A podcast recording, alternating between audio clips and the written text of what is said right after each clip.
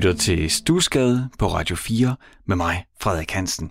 Jeg sender programmet Stusgade fra gaden Stusgade i Aarhus, fordi ja, der har jeg mit lille kælderstudie. Her sidder jeg nede, som regel alene, foran mit lille bitte skrivebord. Ja, lille bitte, det, nu lyder det sådan miniatyr, men det er ikke stort. Hvad er det? Det er jo 1,20 meter langt, og så 40-50 cm dybt. Sådan en gammel øh, afsyret fyrtræsbord, som nok på et tidspunkt, ja, måske jeg skulle finde noget sandpapir frem, fordi at øh, de der ringe fra, fra kaffekopper og ølglas og vinglas, de, øh, ja, der kommer flere og flere af dem.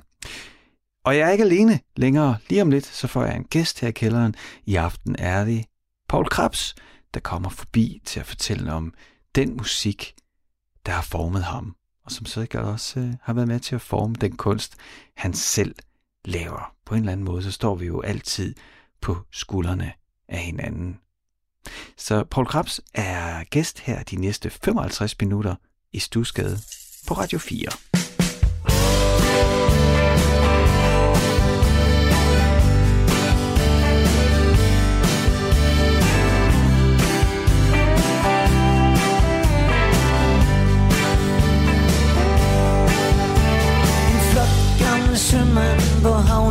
havnen i Skalskør Med nystusset skæg og et strejfe efterår Han sad der og lignede Sean Connery i aftensolen. Og ved siden af Sean i solen skarpe skær sad en smuk mørk kvinde Der ikke var fra Skalskør Og var nærmere frem. En af de fjernere verdensdele og de delte en flaske se? De er lidt længe nok og fundet lige det, der skulle til. Og i min sangbog står der, så vidt jeg ved, at den slags rimer på mangfoldighed, og selvfølgelig størst af Ingen grænser for kærlighed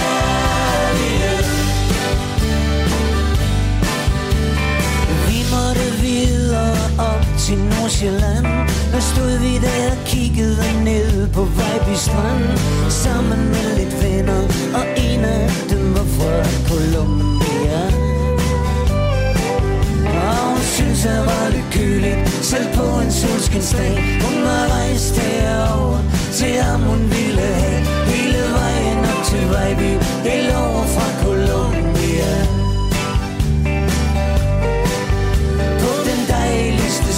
skinnes blå himmel Som var lige forårsdag Og i min sangbog står der Så vidt jeg ved At den slags rimer på mangfoldighed Og selvfølgelig størst af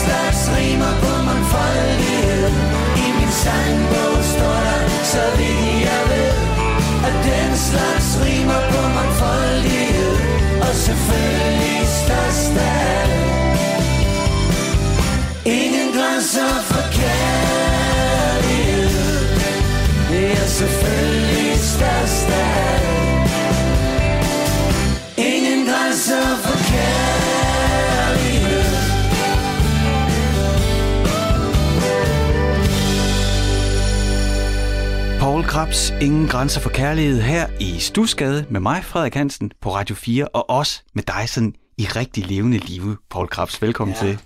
Tak skal du have. Det er sådan, vi sidder jo hernede i mit øh, kælderstudie øh, i, i Stusgade, og jeg skal lige, øh, jeg, jeg inddrager lytterne i det her. Det er, det er ikke det er ikke optimalt med de her stenvægge. Så jeg skal, jeg skal simpelthen bede dig om at komme så tæt, at det nærmest bliver ubehageligt på mikrofonen. Er det okay? Ja, ja. Det, det er godt. Det er godt. det lyder det godt i mine ører. Velkommen til, Paul. Tak. Jeg er jo simpelthen så privilegeret, at jeg hver fredag får lov til at tale med kunstnere om den musik, der har formet jer. Sådan lidt ud fra, ikke kun en hjemmestrikket teori, men i hvert fald sådan en god mavefornemmelse af, at man på forskellige tidspunkter i sit liv kan være så heldig at møde noget musik, som ikke bare har fedt at lytte til, som rent faktisk gør noget ved en. Og så tænker jeg, så, så behøver man ikke at gå mere videnskabeligt ind i det, fordi det, for mig er det egentlig fint nok også, hvis det er en trossag.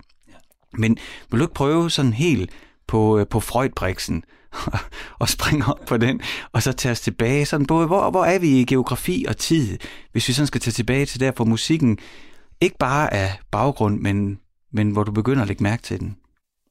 Jamen, der er vi nok i, vi er på Trøjborg i Aarhus. Mm. Øh, vi er, vi er, jeg tror jeg måske, jeg var, jeg havde ikke fået engelsk i skolen endnu. Øh, og jeg var kommet med i uh, mit uh, første band, The Young Inspiration Society. Vi øvede i Finsensgade 71 stuen til højre. Mm. med en uh, arena-mikrofon, der hang ned for loftet. Og, uh, og så nogen, der var tre, der var et par år ældre end mig. Um, og jeg ved ikke rigtig lige, hvordan jeg har fået tiltusket mig pladsen i, i, i bandet der, men vi øvede op til, at vi skulle spille uh, til en... Um, vi skulle spille um, til en i, i til, til deres klasses et eller andet i noget, en musikteam. Mm. Vi skulle spille ind i, ind i klasseværelset. Det var stort, um, men vi kunne jo ingenting. Altså, Nej. vi kunne ikke, det var helt fra, fra, fra scratch, ikke? Så, så den guitaristen Jan, han havde, han havde, han havde gået til noget spil og kunne nogle akkorder og, og kunne sådan sætte den lidt, ikke? Og så spillede vi, øhm, spillede vi øh, The Unknown Soldier med The Doors. Nå. Ja. Ej, det var, altså, det var rimelig, rimelig ambitiøst. Ja, det synes jeg. Vi havde ikke noget keyboard eller noget. Men problemet var, at jeg, at jeg, øhm, da vi så spillede koncert, så jeg sang øhm, Make a Grave for the Onion Soldier. og det, det, det tog, tog læreren rigtig meget fat i. Jeg synes faktisk, jeg, jeg husker det som, jeg blev voldsomt udleveret. og jeg plejer også at fortælle, at, at det var grunden til, at jeg blev smidt ud af bandet. Jeg havde ikke styr på det engelske. Uh, vi spillede sådan noget, vi spillede uh, The Mighty Quinn, og vi spillede... Uh, det var Manfred Manns udgave af The Mighty en Dylan sang, og så spillede vi uh, mm, sikkert også uh, People Get Ready, mm. tror jeg. Okay. Ja, det var sådan noget. Ja. Men, men hvis vi så ruller tiden tilbage til før du rent faktisk selv øh, går op og, og optræder med The Onion Soldier, det mm. vil jeg tage med fra nu af. Det kommer jeg aldrig til at glemme. Ej, jeg bliver nødt til at lige dele sådan en anekdote fra min far, fordi altså, han øh, spillede jo pigtråd, og, og du havde startet sådan noget 11-12 år og havde sit pigtrådsband, og de, de, altså, det var jo, han byggede et krystalapparat, altså en radiofanger, så han kunne høre Radio Luxembourg. Ah. Og der kunne han jo så prøve at lytte af, ikke? og så ja. tage med ned. Og de spillede jo så øh, Tamla Motowns, øh, hvad hedder det, Heatwave. Men altså, de vidste jo kun, at der var en lufthavn, der hed Heathrow. Så de var bare Heathrow. Heathrow. der var ikke noget internet. Jamen, det var, det der, det var jo også en del af min... Af min øh, det var jo faktisk, at din far spillede i Den Gamle Mand af Havet, som var et band, som jeg øh, på løgnagtig vis fik øh, fortalt min mor, at jeg ville gerne gå til dans. Ja. Øhm, så var hun glad. Ja, det var hun så. Og så havde jeg jo dårlig samvittighed, fordi jeg vidste godt, at jeg skulle ikke til dans, men jeg skulle til et musik- og lys arrangement, som var lige efter dansetimen. Ah. Så hvis jeg meldte mig på det der danshold, så kunne jeg blive der til det der musik- og lys arrangement. Og der spillede den gamle mand havet med øh, psykedelisk lys, øh, mm. med sådan to glasplader og noget smeltet olie ja, ja. i nogle farver. Og øh, den gamle mand havet var det helt store øh, for mig dengang. Der var jeg nok 11-12 år. Ja, okay. Ja. Jamen, øh, det skal jeg huske at sige til ham. Og nogle gange kan det, det også være, at han, han lytter, øh, lytter med nu. Det ved jeg, at han blive stolt over. Han har øh, faktisk lige de to lysbilledeapparater har han øh, fået skaffet. Den, den, den, den daværende lysmand, han lever ikke længere, så, øh, så de der lysbilledeapparater, dem kunne, kunne Tommy overtage. Så, øh, så en gang imellem, så bliver de varmet op, Nej. og så bliver der skudt øh, olie og farver op på væggen. Åh, Men det kan noget andet Ja, det end det digitale. nej. Det kan det altså. det kunne i hvert fald noget for mig dengang, det kan jeg love dig. Det, det, det, jeg har, faktisk lige her i morges, der, jeg har en søn på 6 år, Geo, der, øh, der siger han sådan, han siger, ud af det blå, så siger han, åh, jeg gad godt at have en tidsportal.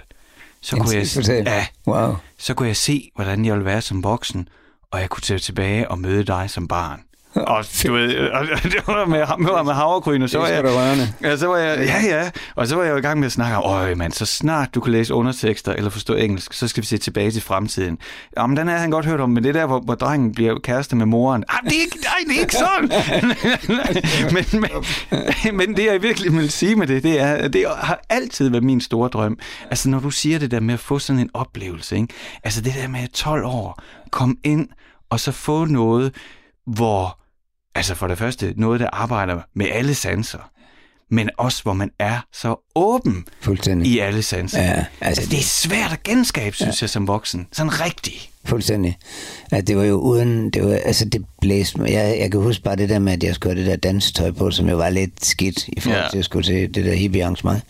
Men, øh, men den åd jeg jo, fordi at jeg var jo også øh, meget yngre, end man måtte egentlig måtte komme ind, så jeg, jeg gemte mig over i sådan et hjørne efter dansetimen, og så, og så blev jeg så hængende der til koncerten startede, ikke? Ja. Og, øhm, og det var bare, altså det var jo, det blæste jo sådan en dreng der fuldstændig jo. ja. Jeg var helt rundt på gulvet. Altså, jeg, jeg, det, jeg, jeg, min, nu taler vi om min far, der på et tidspunkt, så skulle han have sådan et møde med, med DRD, øh, og, og der var de på deres øh, No Fuel-tur, så der var de lige havde virkelig brudt igennem. De er jo gået fra at være sådan det der lidt obs- obskøne kavpong til, nu har de fået et radiohit, ikke? Så de spillede i Horsens, i Kilden, Ja. Øh, og det, det, jeg glemmer det aldrig. Altså fordi, da jeg var 12-13 år, så, sådan samme der, ikke? Og så var jeg så med, fordi at min far skulle så tale med dem. Wow. Jeg var helt blæst væk. Men, men jeg sammen, altså det var så vildt. Altså det, det var så vildt, ikke? Og, og Peter, der var trommeslager dengang, han kørte på skateboard, og det ja. Ja. tror jeg gjorde Kopper også, ikke? Altså de var var sådan, det det, det, sammen. kunne ikke, det kunne ikke, man kunne ikke være sejere i hele verden, end de der gutter, som spillede det bedste musik i hele verden og stod på skateboard. Ja. Men så var der også de lokale, øh, og, det, og hver gang jeg, jeg tænker på det her, så tænker jeg også på, at når man skulle ind i kilden, så var der sådan nogle døre, man kom ind, der stod rødjakkerne, øh, øh, dørvogterne, Nå, ja, ikke? ja. Men øh, altså, det var jo, hvor vi henne? Det, er, det, er, sådan det, det er vel sådan noget midt i 80'erne, ah, det er sidst i 80'erne, ikke? Det er sidst i 80'erne i Horsens, og der var øh, de lokale rockere gribne, ja. og dem var jeg bange De var for. der. Og de var der. De var også der, hvor jeg voksede op.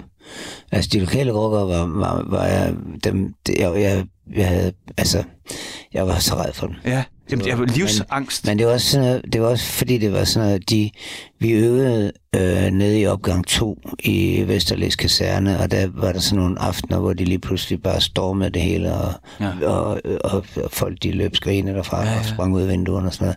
Og de var voldsomme. Det var jo ikke, det var sådan nogle wannabe, det var ja. sådan wannabe rockere, ikke, som, øhm, som ikke var noget af, hvor de skulle i det hierarki der. Men det var sgu, øhm, det var, det var en, øh, det var en, en hvis, hvis stress havde været opfundet dengang, så var det en stressfaktor. Øh, virkelig, Ja, vi var sgu for den, og vi, Ja. vi, kørte, vi kørte en stor omvej. Jeg er også blevet øh, øh, slået ned en gang nede på strøget i Aarhus, hvor, hvor de bare sådan to, der gik skråt over s- over gågaden, og så bare sk- skubbede til mig og spurgte, om jeg skulle skubbe, og så fik så blev jeg man kan, man, der er ikke noget, man kan ikke gøre noget. det, var, det var, der så man bare forkert ud. Ja. Man var på det forkerte sted på det forkerte tidspunkt. det var, det var jeg så dødsangst for hele tiden. Og også på vegne af mine forældre. Altså, Ja. det var, det var virkelig... En, prøv, det er ikke forkert, når du siger... Jeg, det, er, det var for mig en stressfaktor. Det var det for mig. Altså, at de var der Ja. ude anytime. Ja, og, og de gik efter os. Øh, altså, de gik efter os, der spillede musik, og os, der var sådan lidt hippieagtige. Ja, ja. Det var sådan, ja. Ja, Nå, det er meget sjovt. Men det jeg virkelig gerne vil, Paul, det er at gå skridtet tilbage. Tilbage til du selv står med gitaren. Mm. Se, hvor du, musik er noget, du lytter til. Ja, Hvordan er du vokset op? Altså, hvad er, hvordan er der derhjemme, da du var barn? Og hvad er det for, hvad er det for noget musik? Er det radio?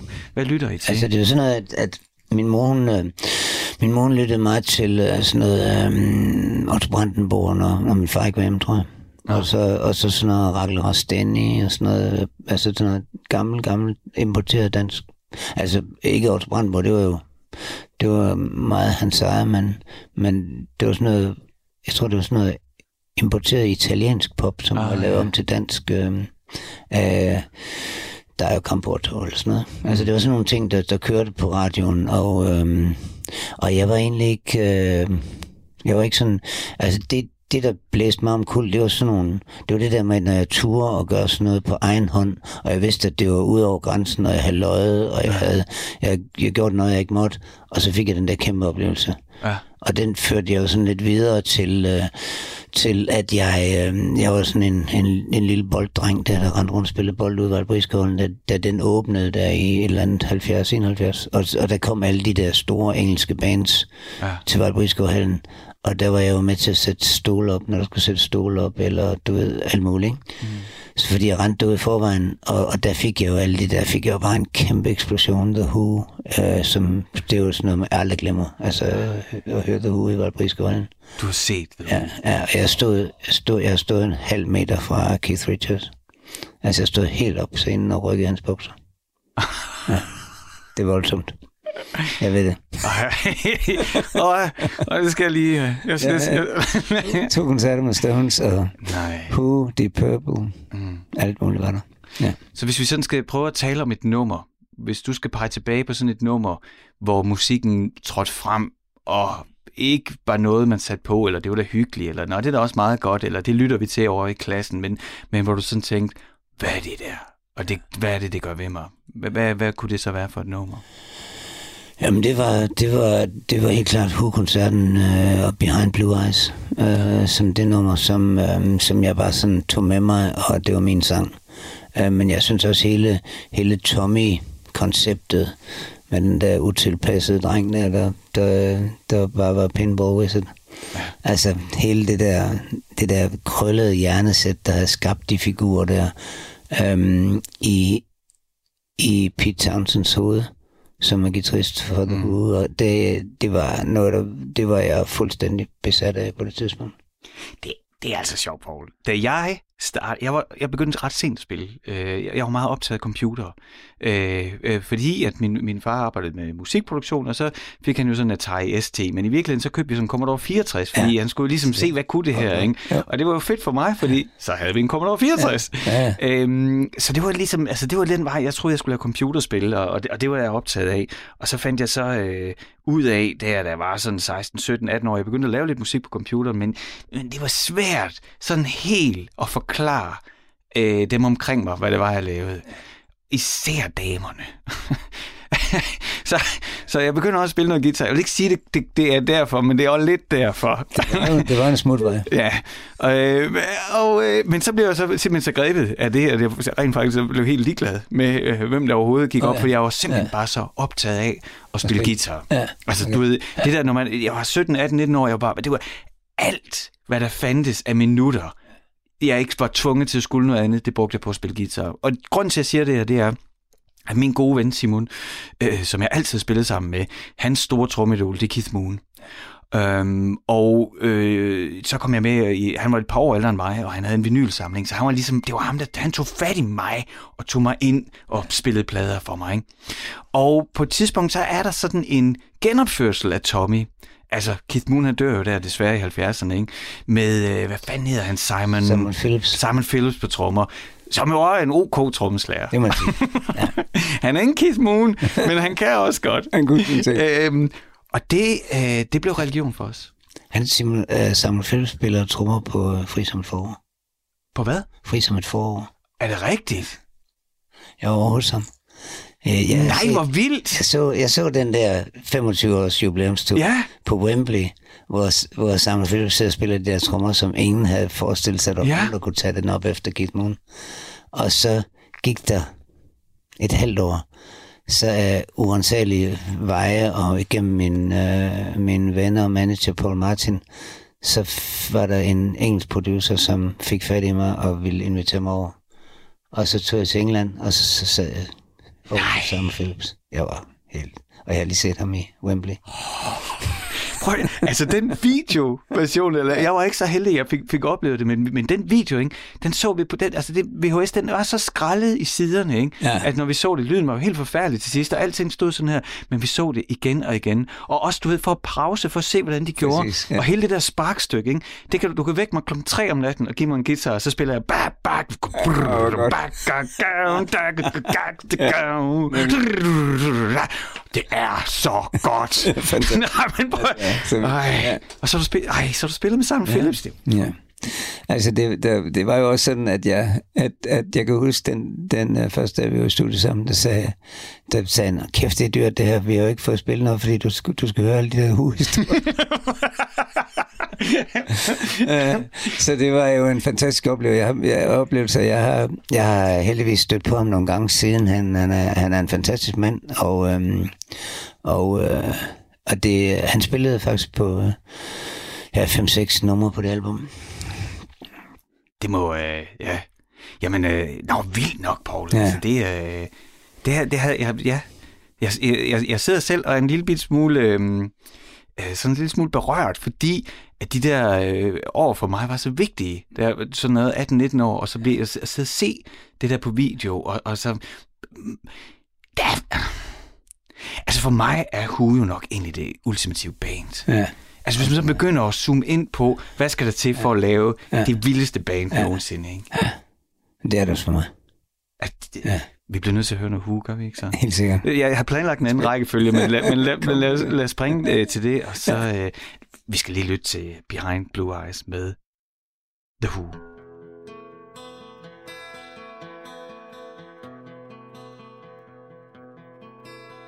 No one knows what it's like to be the bad man, to be the sad man behind blue eyes.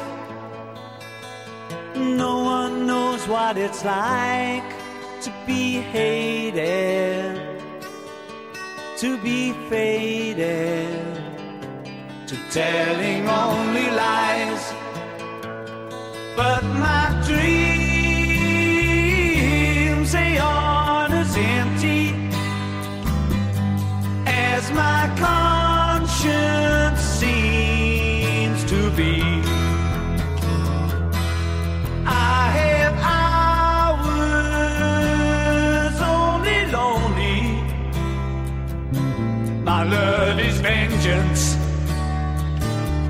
that's never free.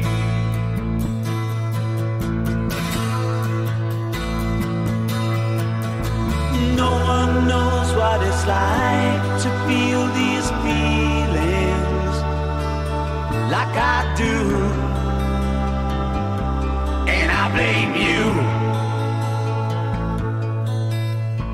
No one bites back as hard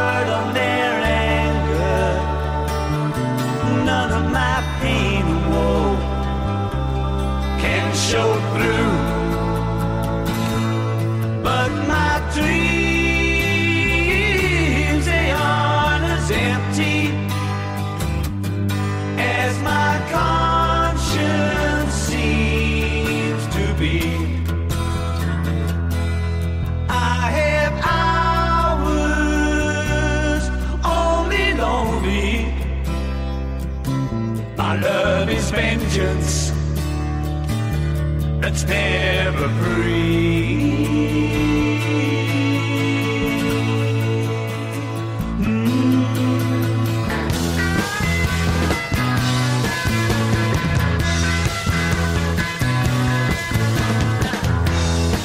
Fist clenches, crack it open before I use it lose my cool. When I smile, tell me some bad news before I laugh a fool. And if I swallow anything evil, put your finger down my throat. And if I shiver, please give me a blanket. Keep me warm, let me wear your coat.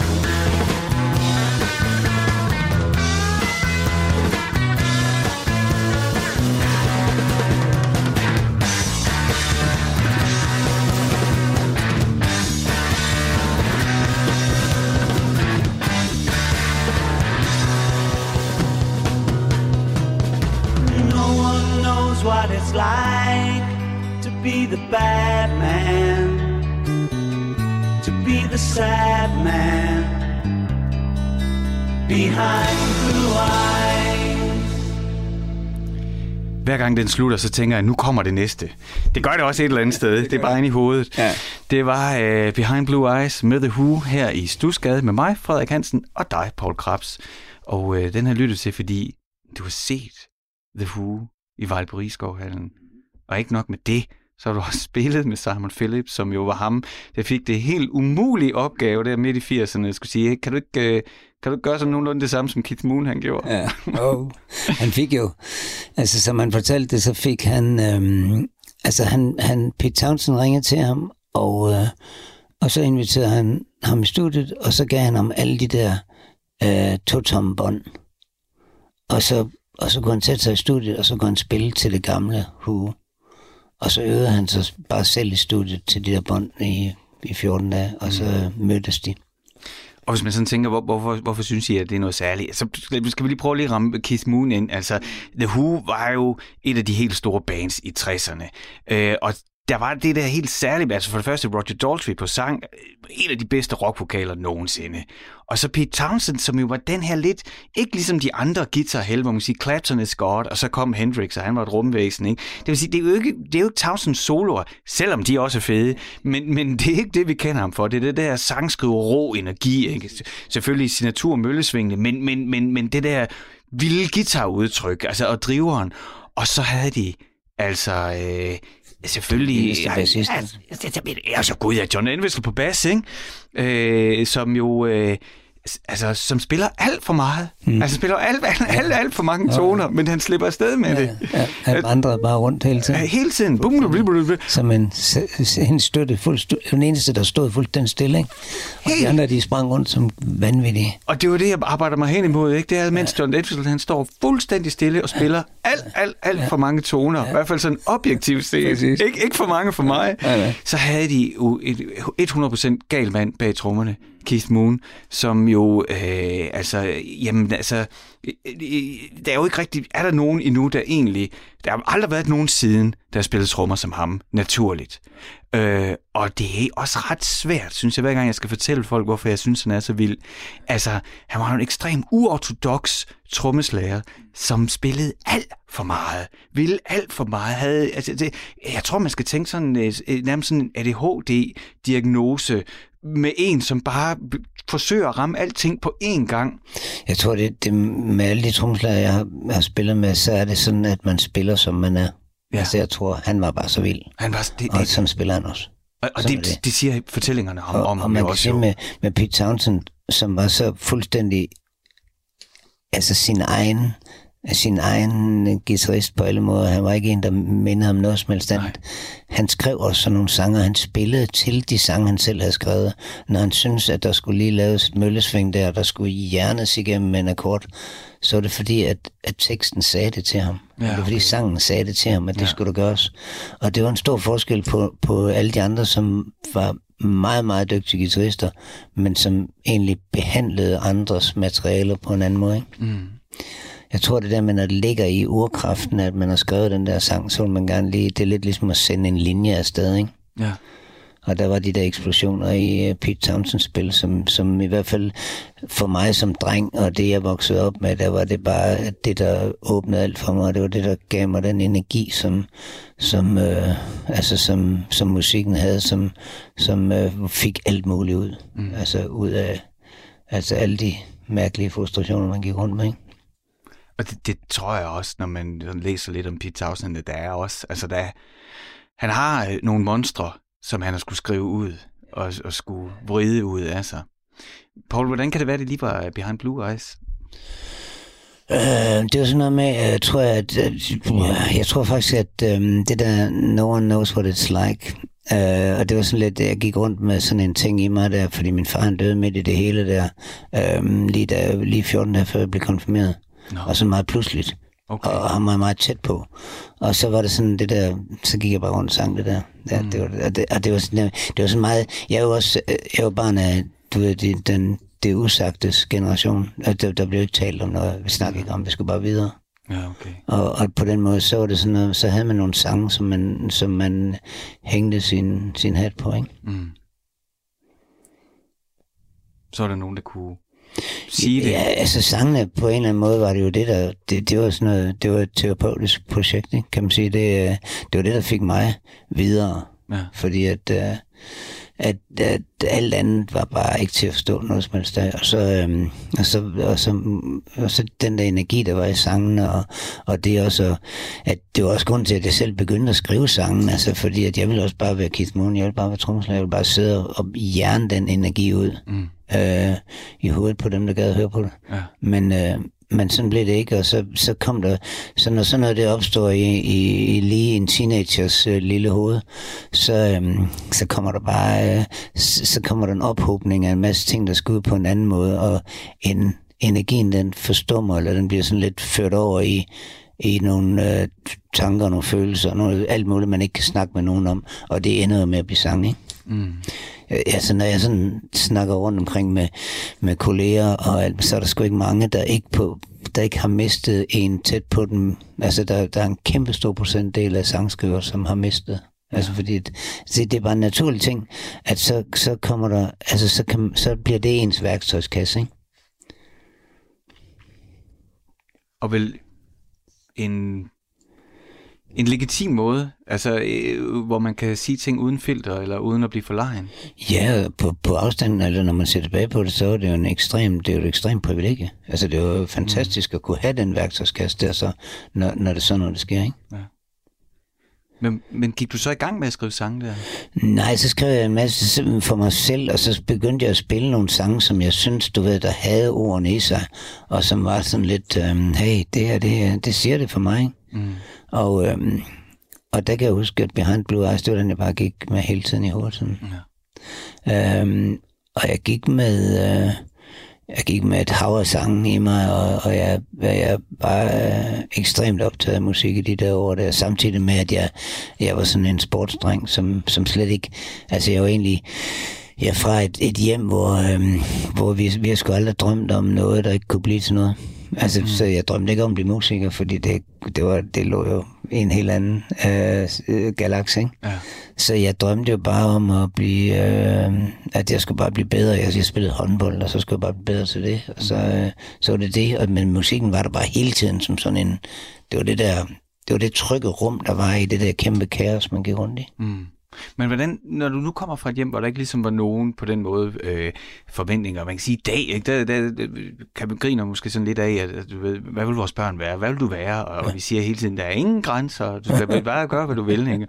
og så, så, så tænker man måske også samtidig lidt, det kommer selvfølgelig an på, hvor man kommer fra, men jeg tænker altid sådan, når jeg kan høre mig selv sige det, ah, eller, det er der nok egentlig grænser for, men, nok, ja. men, men, men, men det finder du nok ud af engang. fordel.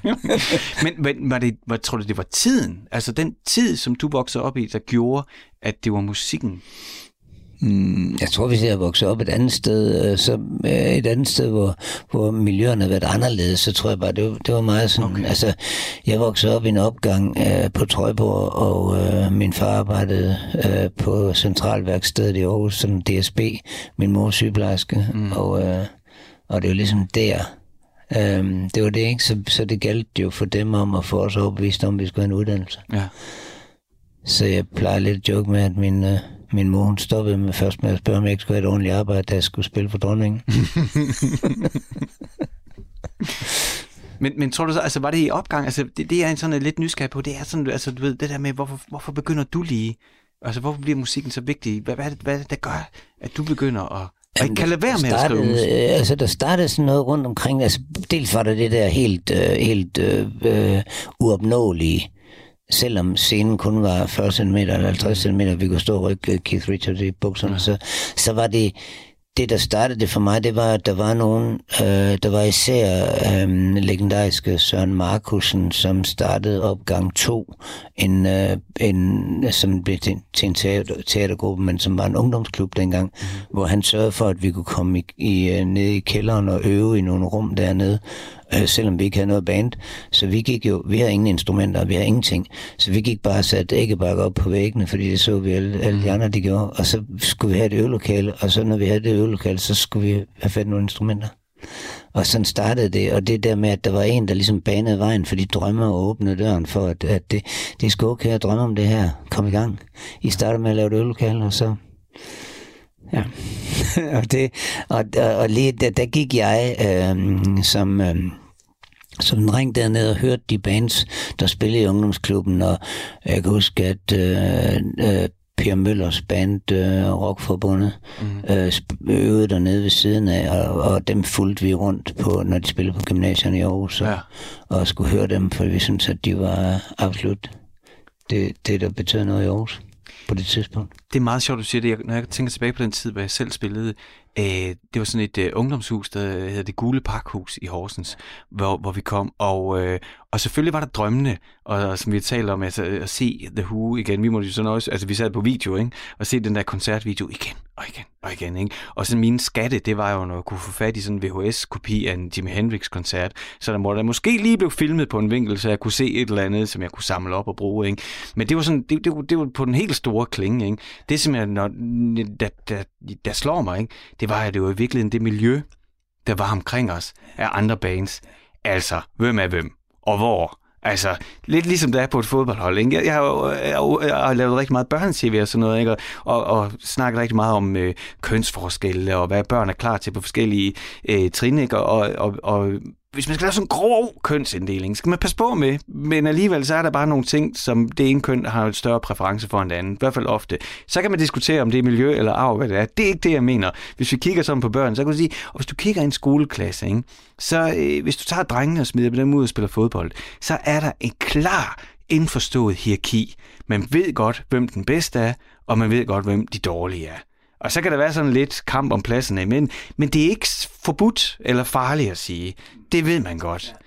Det er ikke sådan helt åbenlyst, selvom pigerne godt ved i en eller anden sammenhæng, hvor hierarkiet er, så er det ikke sådan, det siger man ikke lige.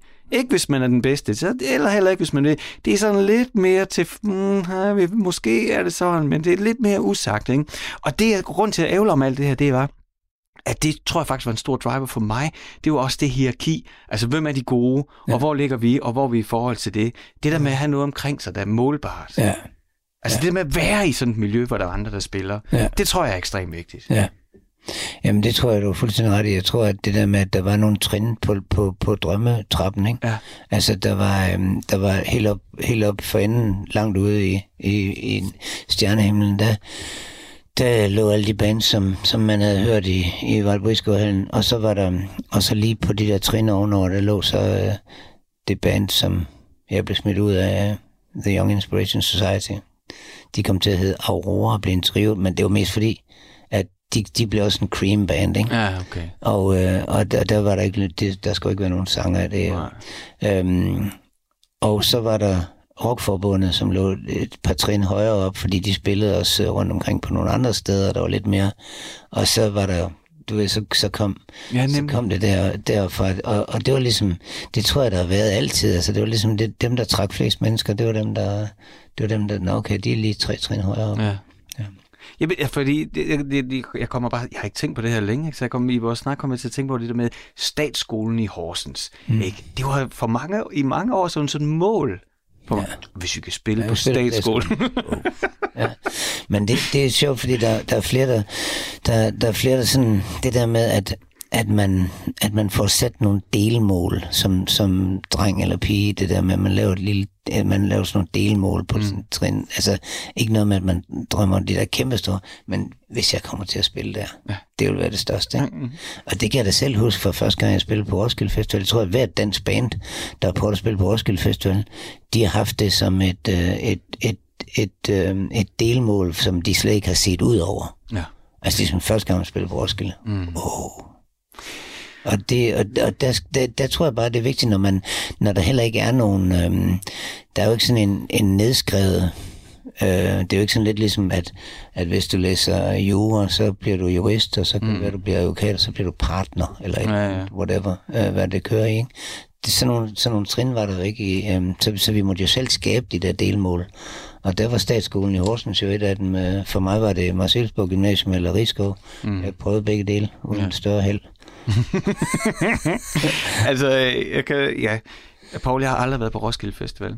Nej. Og det er der en, øh, en rigtig dum grund til. Okay. Øh, og det er, fordi da jeg startede det her band, så øh, jeg har lavet alle mulige mærkelige pakter med mig selv, hvor jeg kiggede ind i spejlet. Og den pagt, jeg lavede, det var, første gang, Frederik, at du skal på Roskilde, det er, når du skal spille der. Det skete ikke. Så hvis der er nogen i bookinggruppen, der...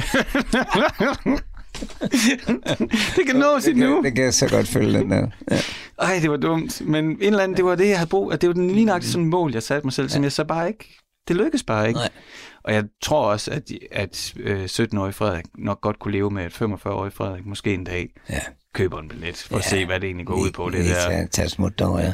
få tis i øjnene, eller hvad ja. man gør. Ja. Paul, det var jo ikke kun uh, The Who. Nej. Vi har jo skrevet lidt sammen inden. Ja. Der, var, der er noget andet musik, som du også... Uh, en anden nummer, som også har betydning for dig. Hvad er det?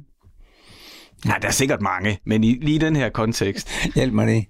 Ja, men det er Ruby Tuesday med Nej, Stones. Ruby Tuesday, ja.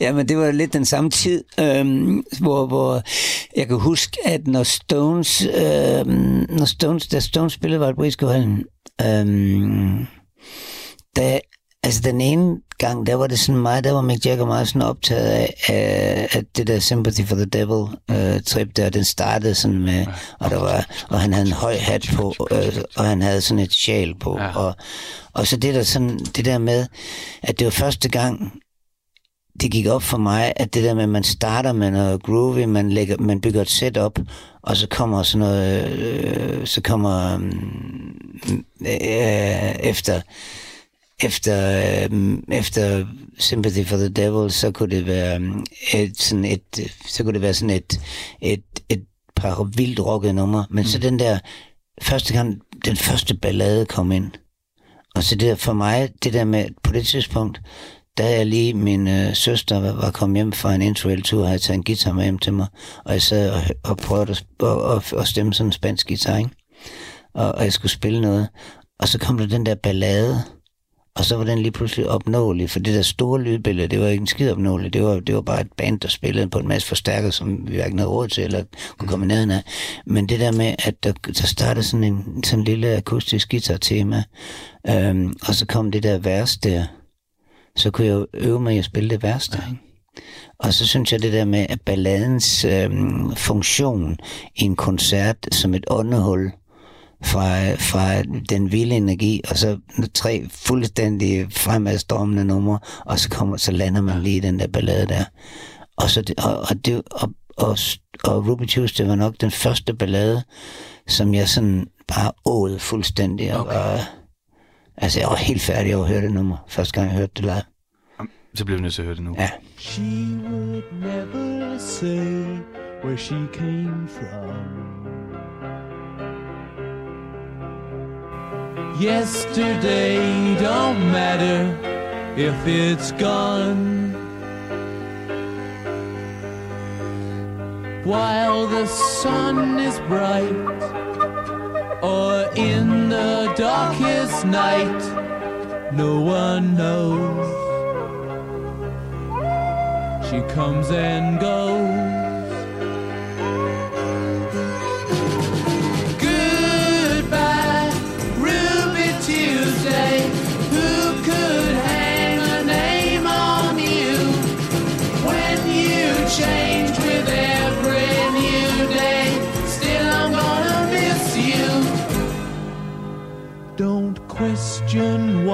She needs to be so free. She'll tell you it's the only way to be. She just can't be chained to a life where nothing's gained and nothing's lost at such a cost. Goodbye, Ruby Tuesday. Who could hang a name on you when you change with every new day? Still, I'm gonna miss you. There's no time to lose, I heard her say. Catch your dreams before they slip away. Dying all the time lose your dreams and you may lose your mind. In life unkind.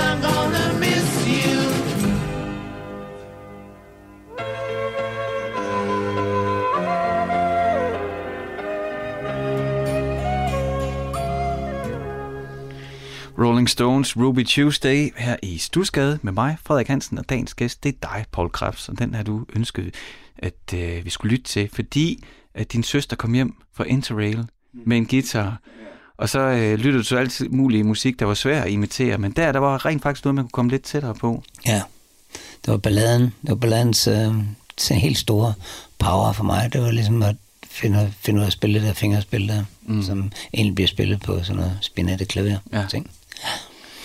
Jeg synes, det er meget... Øh, jeg, rigtig, jeg elsker det her nummer. Det er, for det er, altså, det, hvad kan man ellers? Det er jo godt.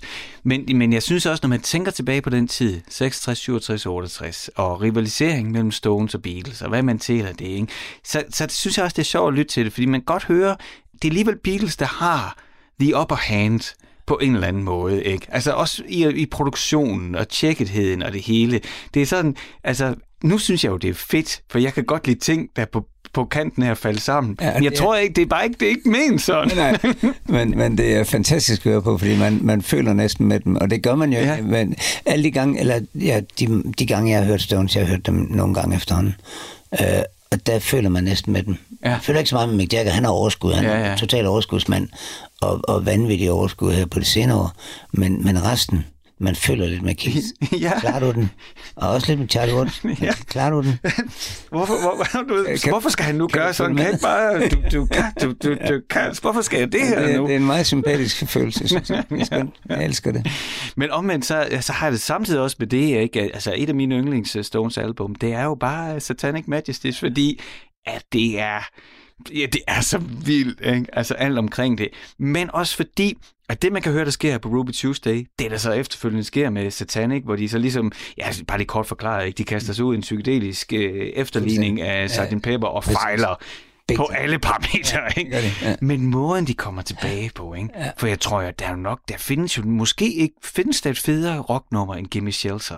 Det ved jeg ikke, om der gør, men det er ret ikke Nej, godt. det er vanvittigt. Det er Vanvittigt så fedt. godt, ikke? Og der er man ikke i tvivl om, hvor skabet det, de, det står. de, de kommer tilbage og, og finder deres urkraft igen, ikke? Fordi Det er så de har, de har den der urkraft, som... Og, og der, der kan man sige, det, øhm, det skete jo ikke rigtigt med Beatles. Nej. Så de, de fandt ikke øh, tilbage i... De, de blev ved med at gå hver sin retning på Ja, anden måde, ikke? ja, altså jeg Og synes, ikke at White Album, er, synes jeg, der ikke er noget fantastisk album, men jeg synes, der er fantastiske sange på. Ja, ja, ja. Men, men, men, Men det, der er også noget skræmmende på. men det er der altså. Nå, men man kan godt mærke det her. Okay, mm-hmm. der, der begynder trådene, og... øh, Nu, Ja, nu, jo også nogle, nogle halvfærdige numre, der Ja. ja. blev klippet sammen til et eller andet, øhm, som jo kunne være blevet fantastiske numre. Helt sikkert. Paul, øh, det kunne vi der, der kunne vi jo godt blive ved med her. temaaften. Men, men, øh, men der er Disney-show lige om lidt, så, øh, så hvis, hvis vi skal til at, til at runde af, først vil jeg sige tusind tak, fordi du tog dig tid til at komme med ned i kælderen i Stusgade og, øh, og hygge snak musik med mig. Det er jeg rigtig glad for. Og så, øh, så er det jo sådan, at, øh, at gæsten altid får lov til at lukke programmet af med noget, du synes, vi godt kunne lytte lidt mere til. Ja, men der er jo meget, jeg synes, vi kan lytte lidt mere til. Men, øhm, men øh, vi skal høre en, en sangskriver, hedder Gregory Allen Isaacow, som jeg for nylig har stødt på, øh, faktisk via min søn, som arbejder på en café i Aarhus, og som, så var der en, en ven, der spillede det for ham, og så tog han det med hjem til mig og spurgte, om ikke det var noget for mig, for det var sådan lidt noget af det, jeg gik og lyttede til. Mm-hmm. Øhm, og øh, og han, øh, han har et eller andet, synes jeg, som øh, binder både fortid, nutid og fremtid sammen for mig. Øh, og en måde at komme videre på som sangskriver, som jeg øh, føler mig meget inspireret på en eller anden måde. Mm. Øh, super god stemning i hans sangskrivning, og så samtidig en produktion, der sådan både peger tilbage og fremad. Okay. Jamen, øh, så lad os øh, slutte programmet af med at, at lytte til det nummer. Er der noget, du sådan synes, man skal lægge særlig mærke til nu de næste 4-5 minutter? Nej, bare nød det. Se, hvad det siger jeg. om, det, om det rammer et eller andet. Mm. Der er, ikke, der, der, der er næsten ikke meget mere at, at håbe på, hver gang man laver en sang, tænker Præcis. jeg. Præcis. Man skal kunne mærke den.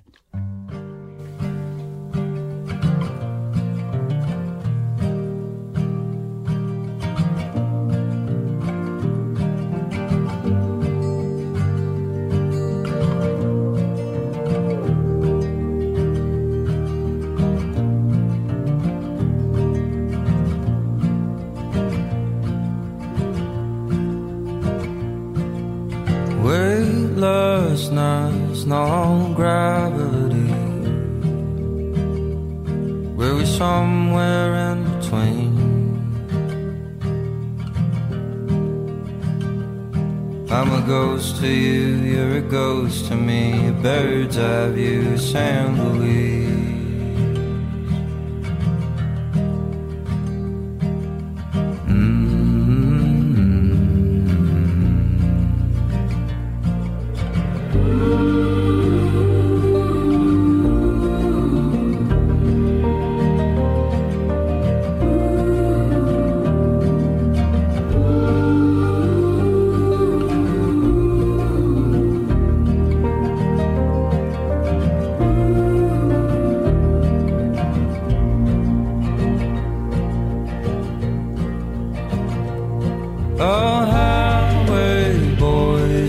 sleeping out with the dirty mouths and broken strings. Other eyes are shining like the sea for you, the Queen of San Luis.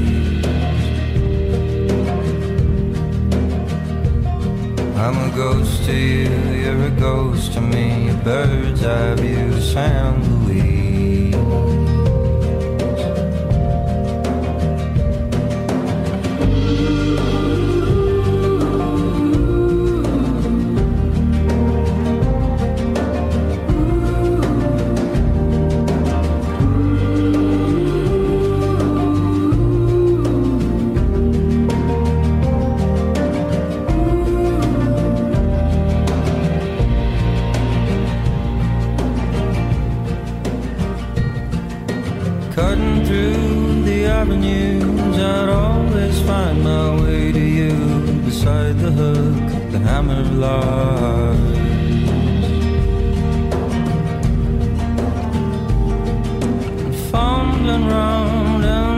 smoke, spending time chasing ghosts. Hold me down, hold me down, child.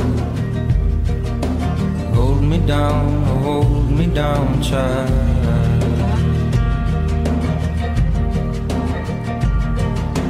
California called you queen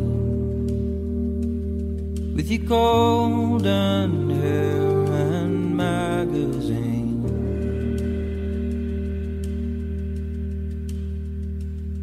Well, you're somewhere in between. Fast asleep, flying dream.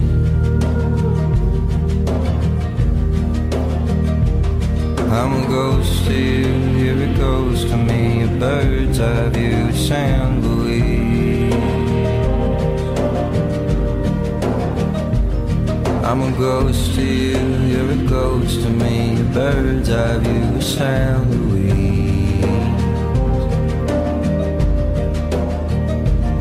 I'm a ghost to you, you're a ghost to me. A bird's eye view, San Luis. I'm a ghost to you, you're a ghost to me. A bird's eye view, San Luis.